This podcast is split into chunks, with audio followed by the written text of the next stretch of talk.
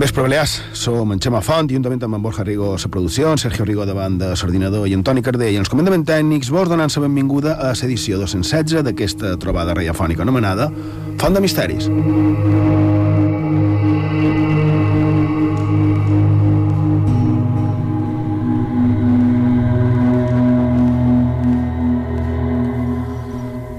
Borja Rigo, bon vespre. Bon vespre. Avui ja tenim clar eh, que és un dia d'aquest que, que anirem curt de temps, així que crec que el millor Anirem és que... perquè més un tema apassionant. Exacte, un tema que són molt de temes junts, que si un cas, Sergio Rigo, bon vespre, Bon vespre, Xema. podrien anar fent sumari i, i mos posem en marxa. I avui en el programa 216 de que Font de Misteris, la protagonista serà la doctora en Història Antiga Ana Vázquez Ois i el seu nou curset Els baixos fons i la perversió a l'antiguitat, que celebrarà a la seu de la UNED a les Illes Balears els pròxims 20 i 21 d'abril. Basat en la documentació històrica, comentarem casos de tradicions, manipulacions, corrupció i assassinats en el llarg del temps a la nostra Mediterrània i a la seva influència en el pròxim Orient, Egipte, Grècia i Roma, quasi res. I aquests temes i molts altres també els comentarem amb ella d'aquí uns minuts. A més a més, com sempre, repassarem l'actualitat de la setmana molt diversos i llegirem i escoltarem els missatges dels oients a l'espai de xarxes socials. Ja sabeu, si us voleu fer arribar els vostres missatges, ho podeu fer de diferents formes, a través de Facebook i Twitter cercant Font de Misteris i emprant l'etiqueta Font de Misteris i B3. També a través del WhatsApp. El número de contacte és 659 16 69 52. Ho repetim, 659 16 69 52. En el correu electrònic fontdemisteris arroba ib3radio.com o Instagram, cercant Font de Misteris IB3. També podeu escoltar tots els nostres programes en el servei a la carta d'IB3 a ib3radio.com, a ivox.com i a fontdemisteris.com.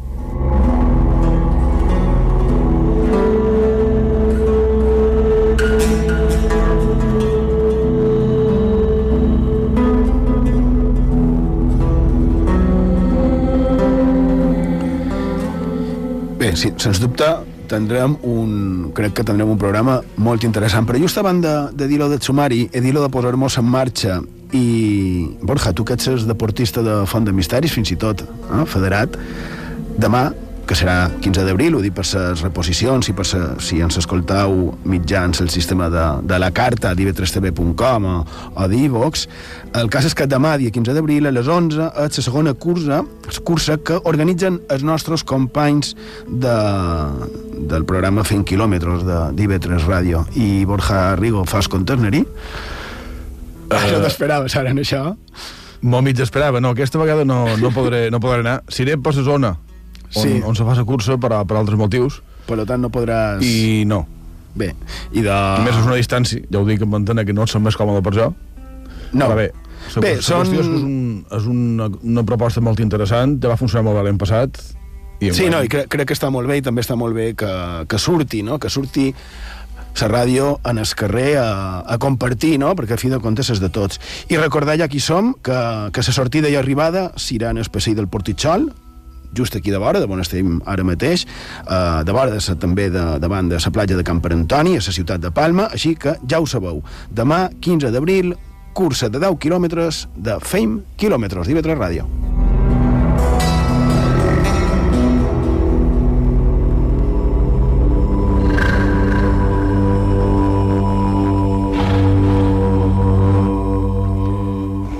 Un altre tema que m'és adient amb aquesta sintonia que mos has triat, Borja. Fa dues setmanes vàrem estar, dues ja, sí, dues, vàrem estar parlant de les psicofonies. Les psicofonies són, o millor dit, serien, eh, l'enregistrament de sons, de veus, de missatges de, del més enllà, no?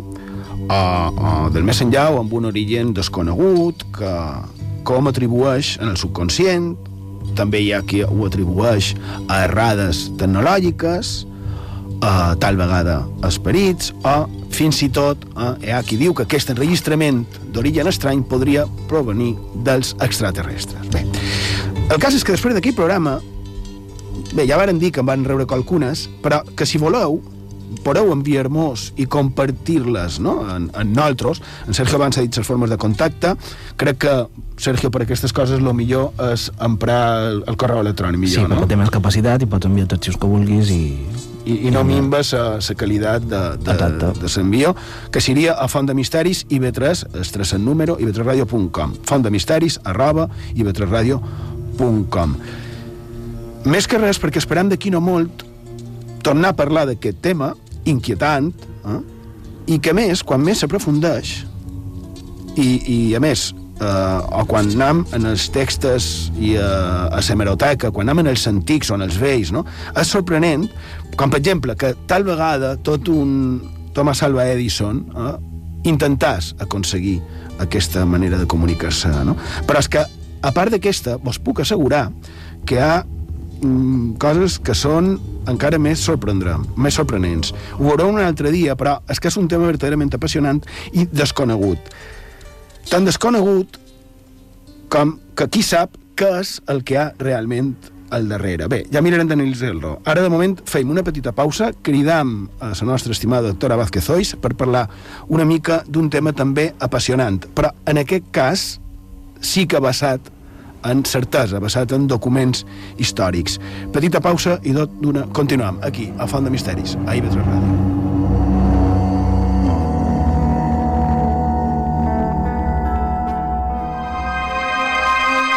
on la història es torna llegenda, a on el més quotidià es torna màgic.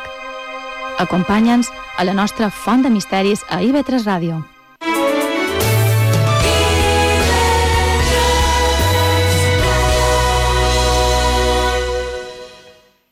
Verano conoce Europa con Alcon Viajes y Viajes Ecuador. Ahora puedes elegir tu circuito por Europa, conocer Escandinavia o países bálticos con hasta un 16% de descuento. Sí, lo has oído bien. 16% de descuento para viajar este verano. Además con el mejor precio garantizado y financiación tres meses sin intereses. Información y reservas en Alcon Viajes y Viajes Ecuador o en el 900 842 900.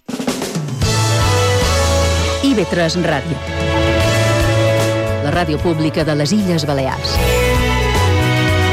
A Eivissa i Formentera, 93.7. Misteris i llegendes a Font de Misteris, amb Xema Font.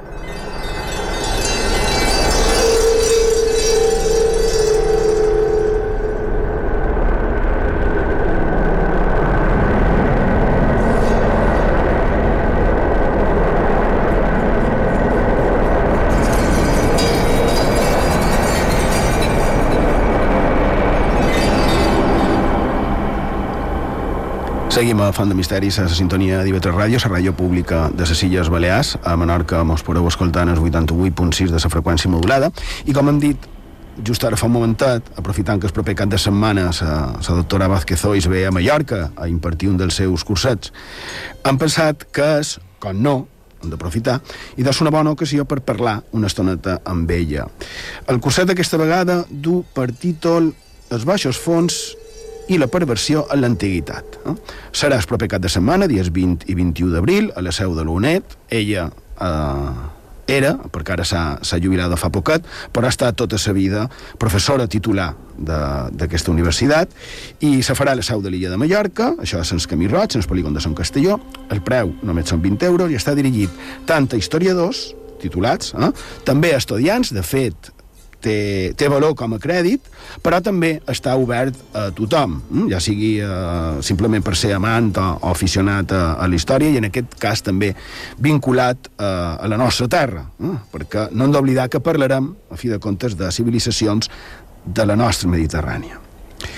I pel que ens estàu escoltant fora Mallorca, per cert, de cada vegada més també a, a la península, moltes gràcies, i de recordeu que també es pot seguir a través de, de la xarxa.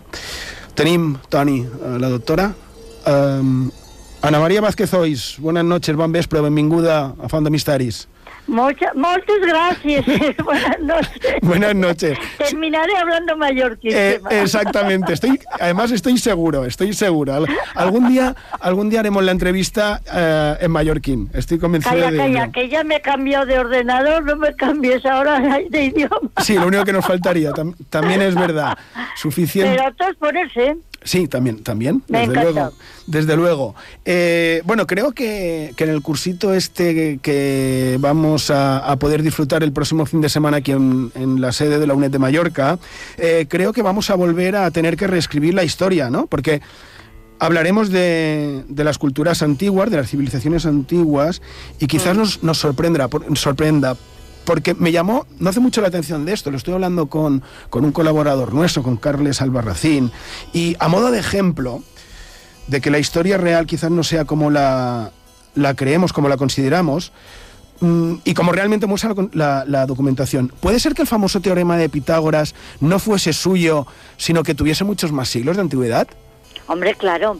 ¿Desde Babilonia? Es una de las cosas que yo llevo hablando muchísimo tiempo. El teorema de Pitágoras, todo te cuento una cosa, que mm, las pirámides de Egipto ya se utilizaba, se utilizaba el número pi.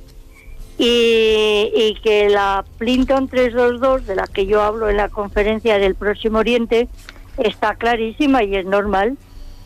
¿Me entiendes? Lo que pasa es que eh, todo esto se perdió y luego eh, Pitágoras, si te lees la biografía de Pitágoras, eh, pues eh, él fue a estudiar a Mesopotamia, fue a estudiar a Egipto, a Memphis, y ahí conoció muchísimas cosas, como todas estas eh, escrituras antiguas se perdieron y se han recobrado, que es una de las cosas que yo voy a explicar también en este curso, por lo, cómo se descubrieron las historias, las escrituras antiguas y su lectura y su desciframiento, pues claro, lo que nos ha quedado es por parte de los griegos que han vendido como suyo lo que en realidad serán del Próximo Oriente.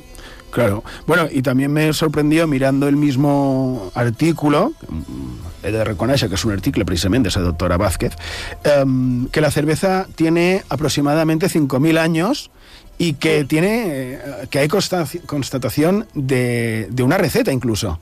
Claro, claro. Lo que pasa es que andan como locos a ver si consiguen rehacer la, la cerveza, porque, claro, es dificilísimo, los términos que utilizan a veces no tienen traducción, pero es curiosísimo, no solamente la cerveza, hace poco estuve cenando con un amigo que está estudiando muchas cosas de la Biblia y me regaló un vino que está hecho con una sola cepa de la que se habla que puede ser la que utilizó Jesucristo en la última cena. Anda. Esto sí que es... Lo mismo dije yo, dije, uy, qué bonito. Sí, sí, que, curioso, ¿no? Que, anecdótico, no pero es chulo. Sí, sí. No te chulo. puedo decir qué cepa es porque porque no me quedé con el nombre, dije, wow, qué bonito. Y entonces tengo la, la botella por aquí por casa y se llama uva de Syrah. Me, Mm, me parece que sí, me acuerdo. pues- S-I-R-A-H.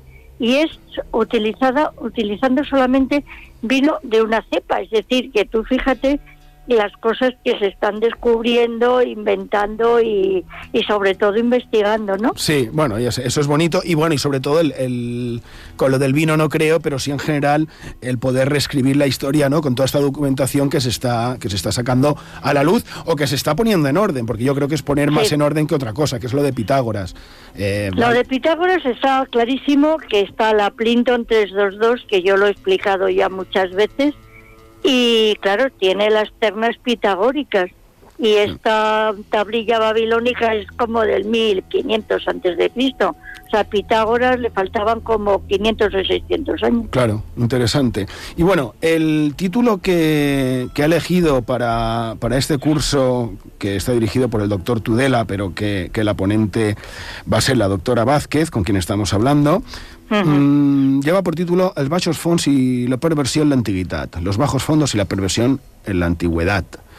Que la verdad es que eh, la elección de los títulos los hace muy sugerentes, ¿no? Está totalmente de moda, ¿eh? Sí, sí, sí, la, la verdad es que sí. La, la primera charla hablará de Próximo Oriente, eh, lleis i codis, deesses, reines, esposes, rameres i manipulació político religiosa de Sumer a Persia. Es posible que, siempre le pregunto lo mismo, pero es que me tiene fascinado el que mm, cosas de hace 5.000 años se pueda saber tanto como para poder desarrollar eh, el- toda esta posible conferencia, ¿no? Es decir, que, que se sepa tanto de, de leyes, por ejemplo, como el Código de ¿Sabes lo Hammurabi. que pasa? Que mm, como escribieron en ladrillo, el ladrillo al destruirse generalmente por eh, incendio o por derrumbe o por todas estas cosas, eso queda sellado y lo que hace es que se conserva. Entonces tenemos lo que yo llamo, entre comillas, cotilleos, que es una preciosidad, pero impresionante. Sobre todo hay una que la tengo publicada también en el homenaje a Federico Lara en la UNED y está en, en la web y se puede eh, leer pues resulta que me encontré una tablilla eh, publicada por Parpola en, en Finlandia, en la que habla de cómo se maneja, vamos, no lo cuenta así, ¿no? El manejo lo ve el historiador cuando lo examina. Se inventan el fantasma de la madre de Asurbanipal para manejar a Sarjadón para que nombre a Asurbanipal príncipe heredero de Asiria. Y se utiliza un sueño y un fantasma inventado, claro, porque digo yo, ¿se aparecería el fantasma? Pues uno ya no lo sabe, o fue el sacerdote disfrazado de fantasma, ¿no? Claro, en cualquier caso estaríamos delante de manipulación político-religiosa, ¿no? Entendiéndose la política por política y religión como creencia, ¿no? Claro, claro. Entonces, eh, tú imagínate una cosa tan importante como es la, el nombramiento de un heredero, que ahora mismo tenemos por España un heredero de Arabia Saudí, Sí. que como son eh, grandes familias, pues claro, y no existe ley de sucesión, el rey que en esos momentos ocupa el poder, pues puede elegir a quien quiera de la familia. Eso se trasluce en una serie de luchas internas que no importa a quién mata, a quién muere, eh, son clanes, los clanes eh, están eh, manejados directamente por los eunucos de la corona y estos eunucos que forman parte que son los que llevan pues todas las cuestiones domésticas de- del rey y de sus esposas llevan a la cama del rey no al que el rey quiere sino al que manipulando al rey le enseñan a los que ellos les convienen a, a los eunucos y a la reina madre que normalmente es la que manda. Es decir nuestra reina Sofía en relación a lo que sería la posible esposa de su hijo el, el rey Felipe, ¿no? Cuando era príncipe, dando, explicándolo en lo que es política actual. Es decir, que no te casas con quien tú quieres, sobre todo si tenías 300 o 400 chicas en el harén eh, con las que solamente se acostaban una noche y ya eran reinas, es una cosa también muy curiosa, y esas eh, personas en un momento determinado tenían una historia de amor tan fabulosa en una sola noche que claro, el rey las volvía a llamar, las convertía en favoritas y por ahí viene la manipulación, es decir, el rey eh, mm, lo, lo- lo manipulan por medio de los sueños, que estaban los sacerdotes obviamente confabulados, con la reina madre para manipular la- el poder sexual de la favorita sobre el rey en el harén. Curioso. Y me... Y que se conserve, que, que se conserve la, una tablilla es todavía como más milagroso, Chema. No, desde luego. Y, y más que, por ejemplo, ¿no? lo, de, lo del código de Hammurabi, creo que es en el código de Hammurabi que precisamente habla de los eunucos, y ahora me ha sorprendido que acaba de decir que, que los eunucos eran los que, eh, ¿cómo, cómo decirlo? Mm, participaban, Manipulaban, sí, sí, participaban en estas conspiraciones. totalmente. Pero Sí, sí. mm, algunos eunucos, eh, creo que era en el, en el Próximo Oriente, era por castigo que, que los convertían en eunucos también, ¿o no? Ya, pero claro, eh, el problema es, es, el- es todo un problema social y económico que la gente que tenía hijos eh, guapos, digamos, y no les podían dar de comer, entonces los castraban y los vendían como esclavos con la esperanza de que llegasen a hijos de la corte. Y eran niños bueno. de placer, simplemente era pedofilia pura y dura, como lo que tenemos en estos momentos. Ya, que eso es un tema más escabroso, pero creo, creo que lo comentaremos luego más cuando, cuando lleguemos, me, me- me- parece a mí, a, a- a Grecia, ¿no? Cuando quieras, pero Sí. si es que es en todos los sitios eh, son iguales. Bueno, sí, la, la verdad es que la verdad es que sí, pero es que me gustaría seguir con, con un poco Sigue, sigue. seguir sí, el programa de, de las porque es que si no empezamos a hablar de una cosa, nos vamos a la otra y, y, como diríamos eh, por aquí, eso será un desgabell. ¿eh? Mm, No, lo que pasa es que yo lo que hago siempre es generalizar para que la gente se dé cuenta que no depende de las culturas, sino que eh, ni las culturas ni el tiempo, es decir, que tanto hace 5.000 años como ahora pasaban las mismas cosas, que es lo que a mí me interesa, ¿no? Que Claro. la gente no se crea que los antiguos eran diferentes, eran personas como nosotros, porque en el registro histórico, en 5.000 años, el hombre no ha cambiado nada. Sí, y, y, eso es lo que además, a, a bueno, a, a nosotros, a, a, los que hacemos Fondo Misteris, por cierto, a Borja Sergio no saludat a, a la doctora Vázquez. Um, Muy buenas noches. Hola, buenas noches. Y da... Oye, que puedes preguntar, Borja, ¿eh? vale, ya lo, ya lo sabe. Estoy escuchando atentamente. Sí, pues eh, no, saben, saben que pueden intervenir en cualquier momento. Lo que pasa es que me ven a mí tan fascinado que, que, no, que no se atreven a, a decir nada. Eh, porque luego siempre además lo comentamos. Pero bueno, eh, por ejemplo, esto mismo que ha dicho, es una constante, es una repetición y eso es lo que es fascinante. Como por ejemplo, en, Mesa, en Mesopotamia, con, con el mismo código de Hammurabi que estamos hablando, posibilidad de divorcio, incluida. Sí, claro, claro. Un tema que en España, eh, hasta la transición democrática de los, del 70, no se, no se instauró, para entendernos, eh, hace cuatro o cinco mil años lo tenían, lo tenían ya en vigor. Claro, lo que pasa es que las leyes cambian, pero se sigue haciendo lo mismo. ¿Qué pasa? Que Luego tuvimos el cristianismo, el cristianismo en principio sí admitía el divorcio, el divorcio, luego ya no, y hemos vivido pues con esa, digamos, esa ley y esa costumbre mediatizada por una religión hasta que hemos llegado a la época moderna en la que ya parece que la religión cambia también bastante, hay otras influencias y mmm, se ha pensado en que puede ser mejor el divorcio que malos matrimonios, ¿no? Bueno, Pero sí, en fin, obvia- que, que nos repetimos, Chemo, que nos repetimos. Bueno, de hecho, la, el- la, el- la legalización del divorcio, evidentemente, he hecho hincapié en que, fue, en que me refería a la última época, porque Sí. durante todos esos años de- del siglo XX volvió a estar eh, prohibido, antes de que Sergio, que es, le encanta la historia contemporánea, me, me ataque con, con el tema. Pero, pero sí que me- me- también me resulta sorprendente que los mismos en, en Próximo Oriente, protección de la viuda. Es decir, que cuando la mujer enviudaba, ahora que aquí se está hablando tanto otra vez de las pensiones.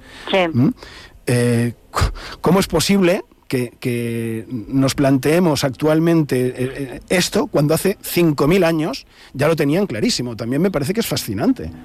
Claro, pero es que no solamente la protección de la viuda, por ejemplo en Israel, y no sé si lo cuento también, lo que hacían es que la viuda tenía obligación, el, el, mm, el hombre más próximo en la familia del marido, a casarse con ella, que es el levirato. Claro. Y entonces, para que no quedase viuda, es decir, una mujer viuda, eh, hace poco hubo una película en Semana Santa que me encantó, que es la historia de Ruth, y la, la, la madre se queda viuda y ella también, y entonces lo único que pueden sobrevivir era espigando en el campo. Y las puede reclamar cualquier hombre, es decir, la mujer era poco más o menos parecida a una vaca con perdón. Y entonces no se podía alimentar. En la poligamia misma se sustenta en que eh, había pocos hombres y entonces se quedaban las mujeres desprotegidas y entonces eh, eh, eh, Mahoma pues dijo, bueno, que se puedan casar con cuatro o con las que puedan mantener. Es una cuestión de supervivencia. Es un sistema económico, simplemente. Bueno, claro, la... Porque la mujer no vale para nada. O sea, la mujer no tiene estudios, tiene prohibido eh, el acceso a la universidad. Nosotros lo hemos tenido prohibido hasta el siglo bien avanzado, el siglo XX. Sí, Entonces, ¿qué nos vas a contar? claro. Bueno, mm, Claro, es decir, el retroceso que nosotros hemos tenido, pero por cuestiones de historia, o sea, no se puede comparar eh, una civilización con otra. Nosotros hemos seguido el plan A y los antiguos tenían el plan B o al revés, ¿no? claro. No, no, evidentemente no se pueden comparar, pero sí que creo que... Bueno, Te que- sorprende. Sí, y, y que no, y que no podemos dejarlo de lado, porque realmente al final no, no hacemos más que repetir y repetir la historia, ¿no? Vamos a ver, la democracia, otra cosa que no sabéis, la democracia está en el poema de Gilgamesh, que son las asambleas ciudadanas, que legislaban con el rey y admitían o no admitía. Eso luego se nos llena la boca de decir que lo inventaron los griegos, cuando no lo inventaron, no- ni los griegos, fueron los atenienses en una sola eh, eh, generación y encima les salió mal, por lo cual... Pues, Claro, es esa, eh, así se escribe la historia, ¿no? Por eso he dicho anteriormente que, que íbamos a hablar otra vez, como, como ya es habitual, de reescribir la historia.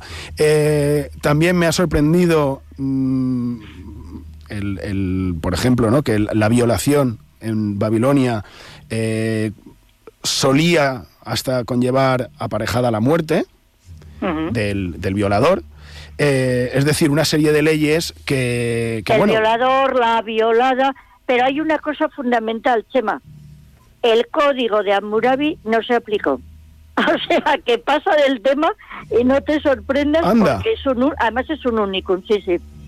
Anda, pues esto sí que, esto sí Eh, que no lo- También, no, no, sí, ya sé que te sorprendo. Sí, y la, y la prostitución en, en Mesopotamia también estaba legislada. Claro, pero es que además era un mal, un- era un- no era un mal menor, era la única forma que tenían los hombres de no molestar a las mujeres, o sea que a las mujeres les interesaba. Y so- socialmente, como... Pues nada, no había ningún problema. Son las grandes prostitutas de los grandes templos y, y muy bien. Ah, Entonces, a- en un momento dado te enamorabas de una prostituta, te casabas con ella, le dabas el velo y la convertías en univira, digamos, como eran, después de haber atendido a miles, ¿no? Sí.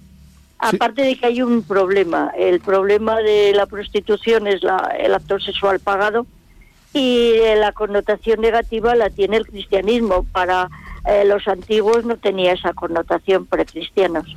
Claro, eh, ahí, ahí está otra vez el, el tema, ¿no? Esos, esos años oscuros ¿no? de- del, del cristianismo donde yo creo que se dio muchos pasos atrás en muchos aspectos. Vamos a comentar por encima también la siguiente ponencia que será el viernes 20 de abril de 7 a 9 y media. Lleva por título Egipto, corrupción, incestos, huelgas y asesinatos divinos y reales a lo largo del Nilo. Es que solo el título es, es verdaderamente fascinante. Y no me cabe todo, Chema, no, me cabe todo. no, de- desde luego. Eh, corrupción e incestos entre los dioses, asesinatos divinos. Pero ¿de, de qué estamos hablando, doctora Vázquez? Por de lo que acabas de decir, que hay un pollo, están todos liados, y encima hay conspiraciones, asesinatos, venenos, los mismos dioses ya, eh, la, la triada que son, eh, a ver si me acuerdo ahora, que tengo un lío de nombres, No me extraña. Isis, Isis, Osiris, eh, Set y Nes- Neptis, pues están eh, en el yacen el amor cuando eran fetos en el vientre de la madre, o sea, que nacieron los pobrecitos estaban adelantados.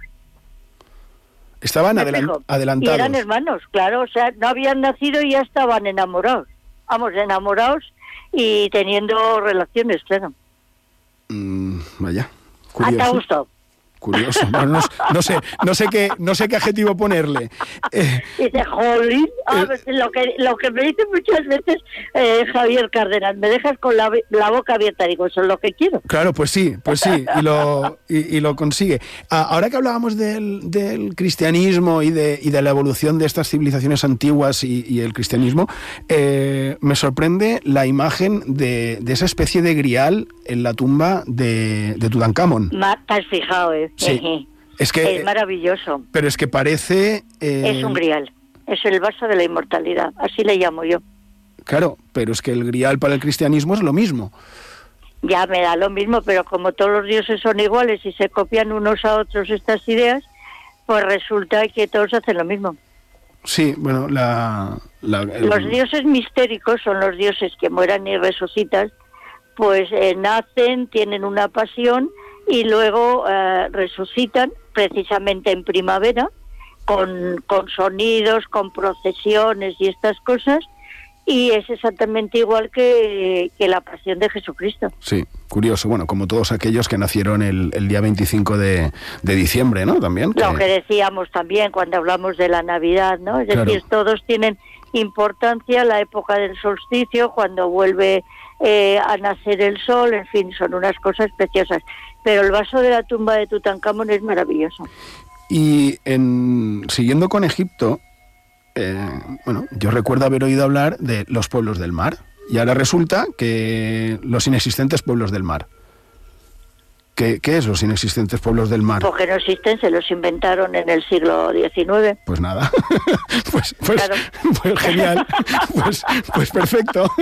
Vamos a ver, el, hay una. eh, normalmente eh, llega un arqueólogo del siglo XIX-XX, vamos, eso está recogido en mi manual del Próximo Oriente de hace más de 15 años. O sea, yo llegué al Museo Británico y enfrente hay una librería, me metí, vi el libro de Alejandra Nibi, que es una eh, señora que ya ha muerto, una egiptóloga, y entonces esta procesó con un ordenador todos los eh, textos que egipcios que tienen que son mensurables y, y, estudiables por ordenador, ¿no? Entonces se dio cuenta que los egipcios jamás llaman al mar mar, sino que le llaman Gran Verde, con lo cual es imposible que en el en ponga pueblos del mar, lo que pone son pueblos del delta y te das cuenta que es eh, no existieron porque no son pueblos que venían por el mar, sino que estaban todos liados y está mal leído eh, Medinetabú. ¿Y hasta dónde? ¿Me entiendes? Sí, ¿y hasta dónde debieron llegar? Es una pregunta Vamos muy a ver, amplia, ¿eh? eh, hay, no, hay una pregunta muy amplia que te voy a contestar como yo contestaba a mis alumnos. De lo que no se sabe, te puede inventar lo que quieras, o no te lo inventes, Vale. o es todo mentira. Es decir, en, en el, tú imagínate que eh, en el 1200 antes de Cristo se apaga la luz de la historia y son todos mm, eh, egipcios, hititas, cananeos, etc. Sí. Y cuando se vuelve a encender la luz de ese sitio que es la historia, das la luz y lo que tienes delante no tiene nada que ver como lo que había 500 años antes cuando se apagó, que son los griegos. Y los griegos empiezan a inventarse todo eso que les llega como leyendas y a trocitos. ¿Me entiendes? Claro, vale. Y encima todo eso inventado por los historiadores modernos te lleva a, a, lo que yo cuando empecé a hablar de desaprender la historia, es decir, todo está inventado, todo está manipulado, todo está mal mm, escrito, como por ejemplo cuando hablo del monoteísmo de Akenatón, que es una barbaridad como un piano, y que no tengo tiempo de escribir el, el artículo y además en inglés para decir el, el politeísmo de Akenatón y están todos los materiales en el Museo Petri. Es decir, estamos viviendo de mentiras y de, de, de gente que no estudia y que no se renueva, Chema. Bueno, justamente, ahora que, ahora que dice esto, la semana pasada estuvimos hablando de, de esa cartografía supuestamente imposible que, que, tuvo un gran origen en la, en la cartografía de la escuela mallorquina de, Sí. de aquí. Y, y me sorprendió mucho porque eh, uno siempre recuerda que supuestamente antiguamente se creían que la Tierra era plana. Y resulta que leí, no recuerdo dónde lo leí, lo comentamos la semana pasada, que fue una historia también del siglo XIX, porque en el siglo XIII tenían bastante claro que la Tierra era redonda. Y en el siglo segundo antes de Cristo y en Exacto. el siglo cuarto antes de Cristo, que se sabía perfectamente Claro. lo que de repente les dio porque aquello era plano y es lo que nos hemos tragado. Claro, es que me... Bueno, la verdad es que me, me, me, me apasiona, me fascina, me, parece increíble. Y en... Y más cosas, y más cosas que, que no se admiten. El, el lío mismo de las escrituras. Y ahora mismo estaba viendo yo una conferencia que me han pasado por vídeo de, de, unas, de un puñal de obsidiana, de, de, ¿cómo se llama?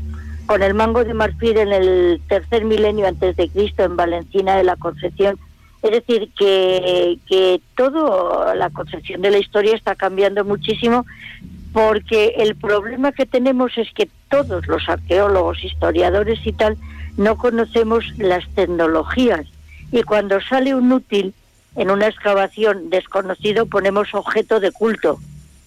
Sí. Y claro, cuando de repente llega un especialista, como ha pasado en el Museo Británico, dice, esto no, no es un, un, un trozo de cristal de roca normal, es una lente que eh, corrige el astigmatismo y te quedas con la boca abierta. Claro, claro, sí.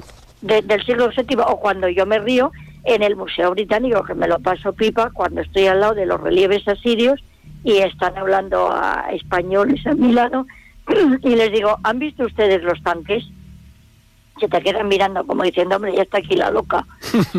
y les enseño la maquinaria de asalto asirio que tiene forma de tanque y llevan ruedas y están cuesta arriba y tienen un cañón delantero. Y dices, ¿cómo se movía esto cuesta arriba? Pues no sé. Claro. Pero, a, a, de, no, desde luego, las, las imágenes de, de, lo que, de lo que hace referencia sí que es verdad que son, que son sorprendentes. Eh, también es sorprendente, por ejemplo, que, que Ramsés III, eh, usted lo define como su falsa propaganda de gran guerrero. Claro, el problema es que, eh, eh, por ejemplo, cuando eh, de los relieves que tenemos antiguos, pues la gente lo que hace es su campaña electoral. Y de repente, cuando se ponen a excavar, se dan cuenta que eh, eso que el faraón está publicitando en ese gran panel, que es el muro este de, de de la batalla de Ramsés, que yo las veces que he ido a Egipto hubo una vez que me cogí la guía y dije, me voy a ver todas las batallas de Ramsés, porque está, el tío era un megalómano y lo tiene puesto en todos los sitios. En primer lugar, no lo ganó porque eh, quedaron en tablas y apareció el Tratado de Cadés escrito en barro que está en el Museo de Estambul y dice que cada uno va a respetar lo del otro. Entonces, ¿qué me dices que has ganado?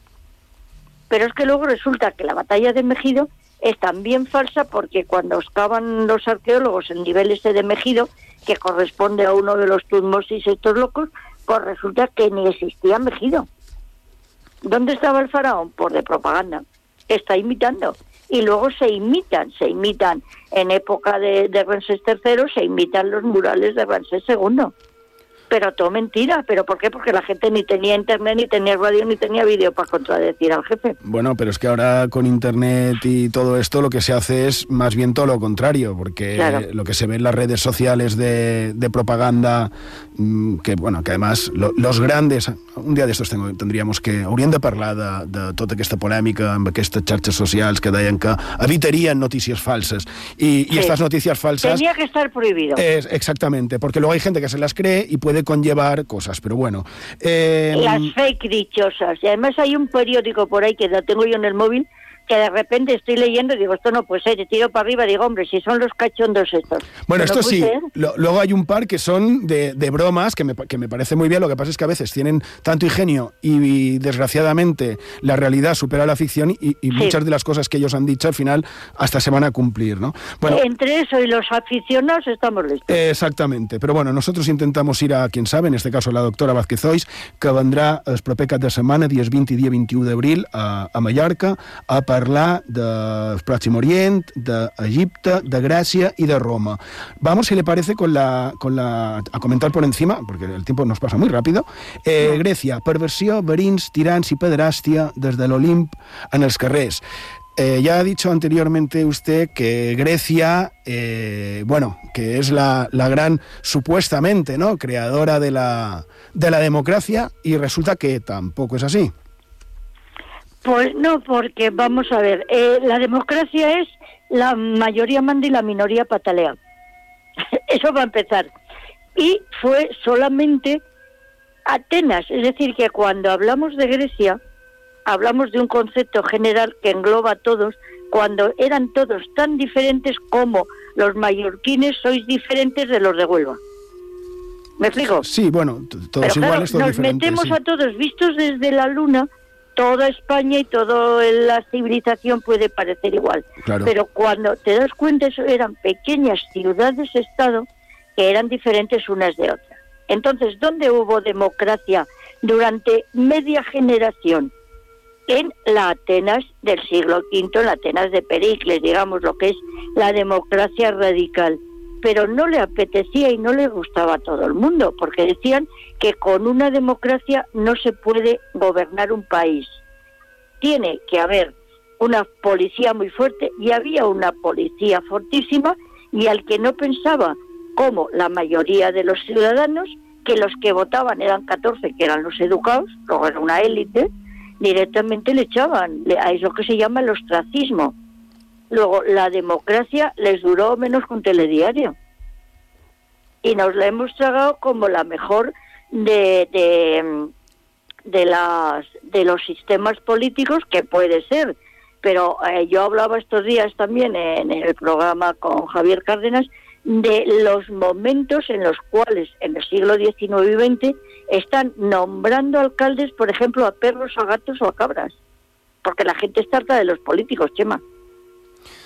Sí, no haremos, sí, no haremos comentarios al eh, respecto. Vale más, vale más directamente. No, yo no hablo a nadie. Yo cuando hablo no hablo de la actualidad porque ya sabes que para mí la actualidad es pues, mm, periodismo amarillo. Pero te mm. quiero decir que todo el mundo en el siglo XIX y XX se dan cuenta que ya que esto es un lío. Y repito, porque las moscas eh, sean mil millones, la caca es buena.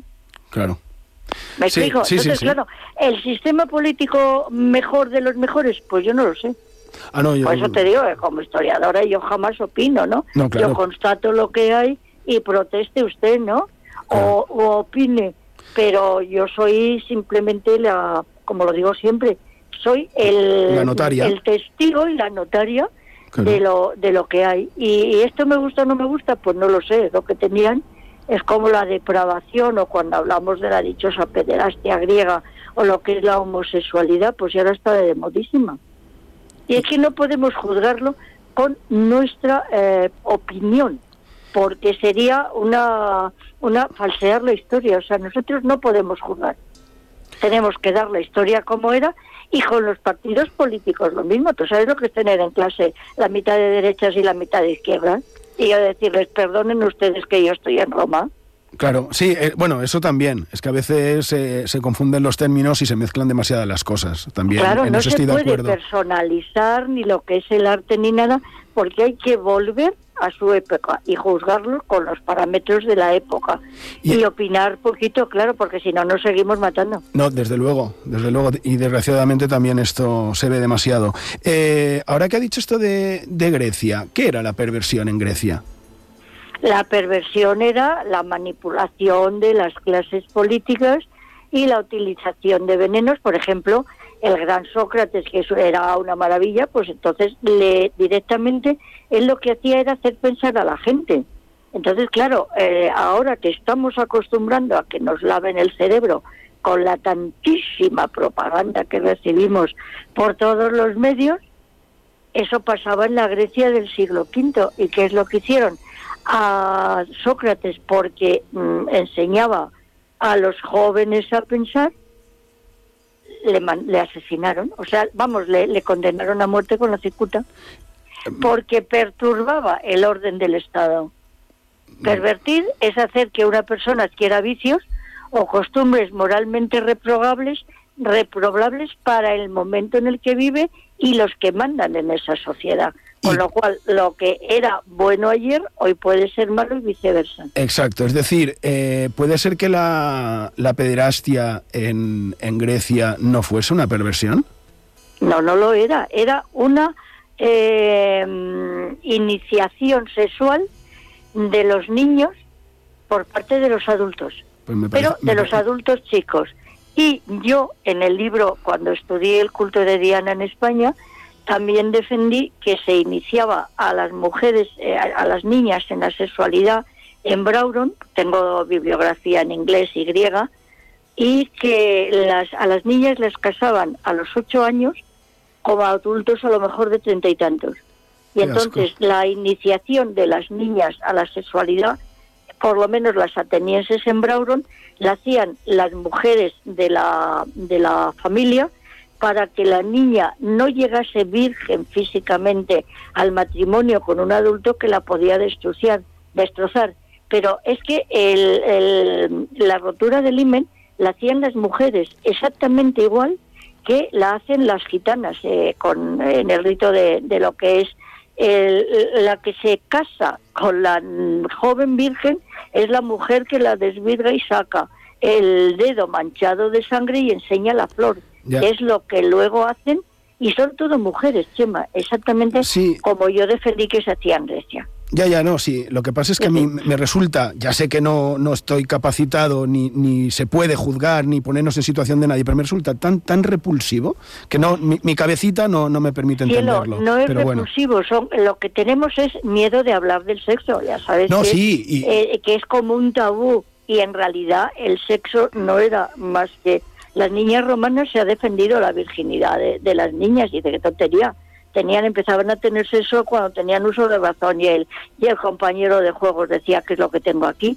Lo Ya. que pasa que luego nos han vendido la virginidad como un bien máximo. Bueno, no, yo no, no hablaba de la virginidad como bien control, máximo. no, no, hablaba- y es un control, si es que es un No, control. eso sí, eso sí, el Claro. querernos controlar a lo largo de la historia, estoy hablando. No, querernos controlar no. A la mujer antigua la controlaban porque era la vaca. O sea, la vaca no podía más que dejarla preñada al toro porque necesitó seguir la casta. Ya. es la de la familia. Yo ahora decía lo de querer controlar por la cosa esa de que, de que el sexo es malo, que el sexo es pecado y este tipo de historias, ¿no? Pero bueno, no entraremos Ya, en ello. pero eh, que repito, es decir, son todo eh, que cambian las cosas, es decir, el sexo, tú te lees el, el la, ¿cómo se llama? El banquete de Platón y Sócrates está enamorado del bello Alcibiades y, compre, y co, eh, compartían capa.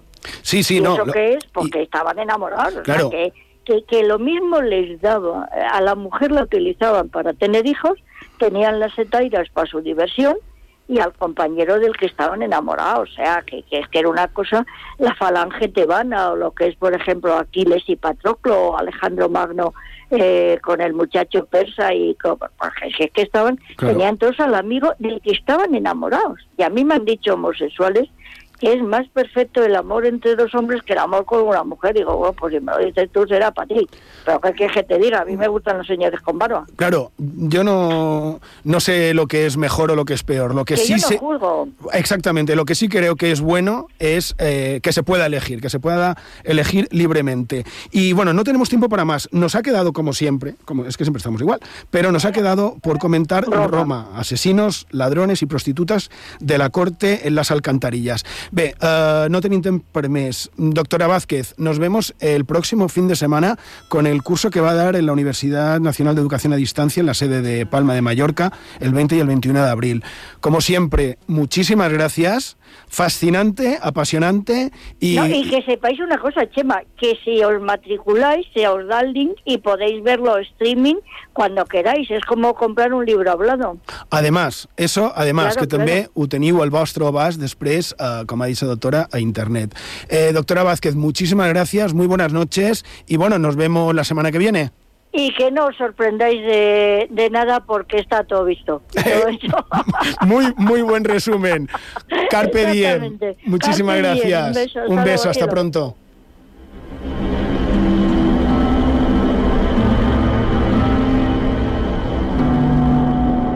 A IB3 Ràdio, Font de Misteris, amb Xema Font.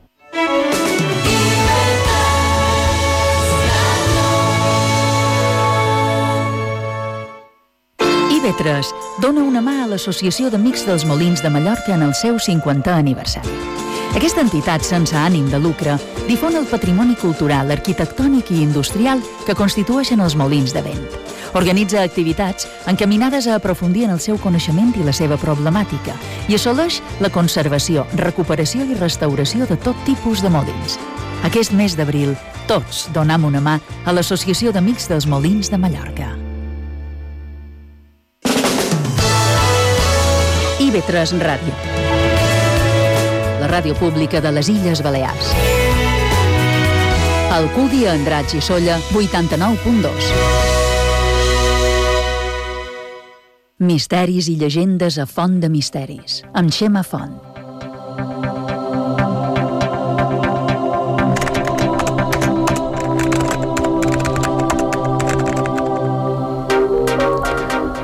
Seguim a Font de Misteris, a sintonia d'IV3 Ràdio, a través de la xarxa mos podeu trobar ib3tv.com i de les xarxes, com sempre, no, Sergio? Sí, sempre que tenim la doctora Ana Vázquez, tenim molt de ressò a les xarxes, la gent fa molt de comentaris, li agrada molt. La veritat és que sí. Sí. Té, té molt de seguidors, a més, és una persona molt mediàtica, és cert. Podries donar molt ràpid, molt ràpid, formes de contacte i partim. I jo, Facebook i Twitter, cercant Font de Misteris, també us podeu enviar els vostres missatges en el WhatsApp, els números 659 769 52, 659 769 52 i el correu electrònic fontdemisteris arroba ib3radio.com.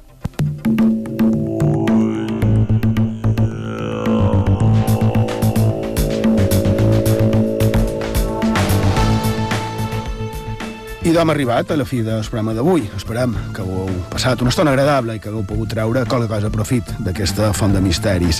I bé, fa dos mesos, més o manco, he vist a Vila, a una coneguda meva, 70 anys, qualcú per, darrer, per darrere la va tomar. La va tirar, la va tirar en terra, li va atacar, la va apallissar, amb la intenció de prendre-li el bolso eh, a una senyora de 70 anys.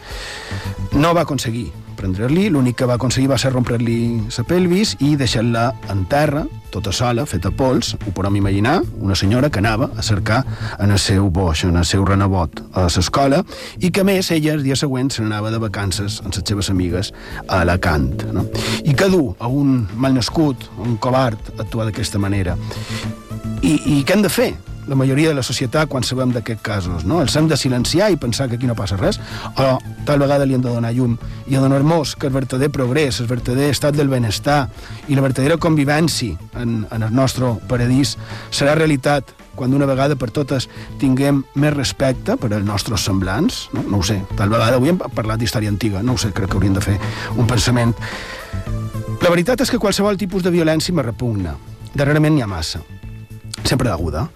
Però quan estan davant d'una violència que més és tan abusiva, amb això sí que no puc, de cap de ses maneres.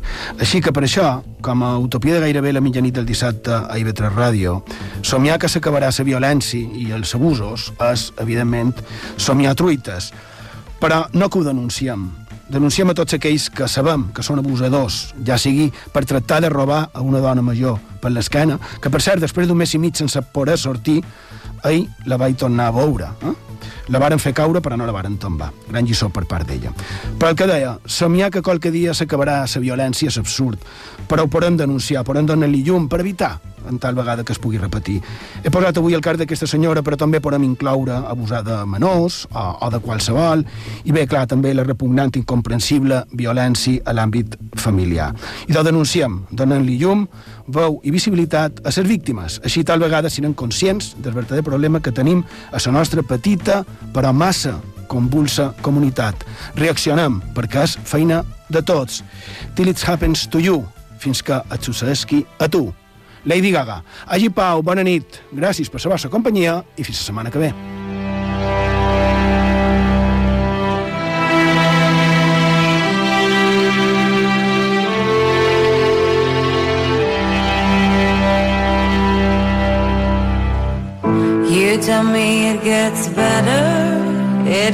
Better in time. You say I pull myself together, pull it together, you'll be fine.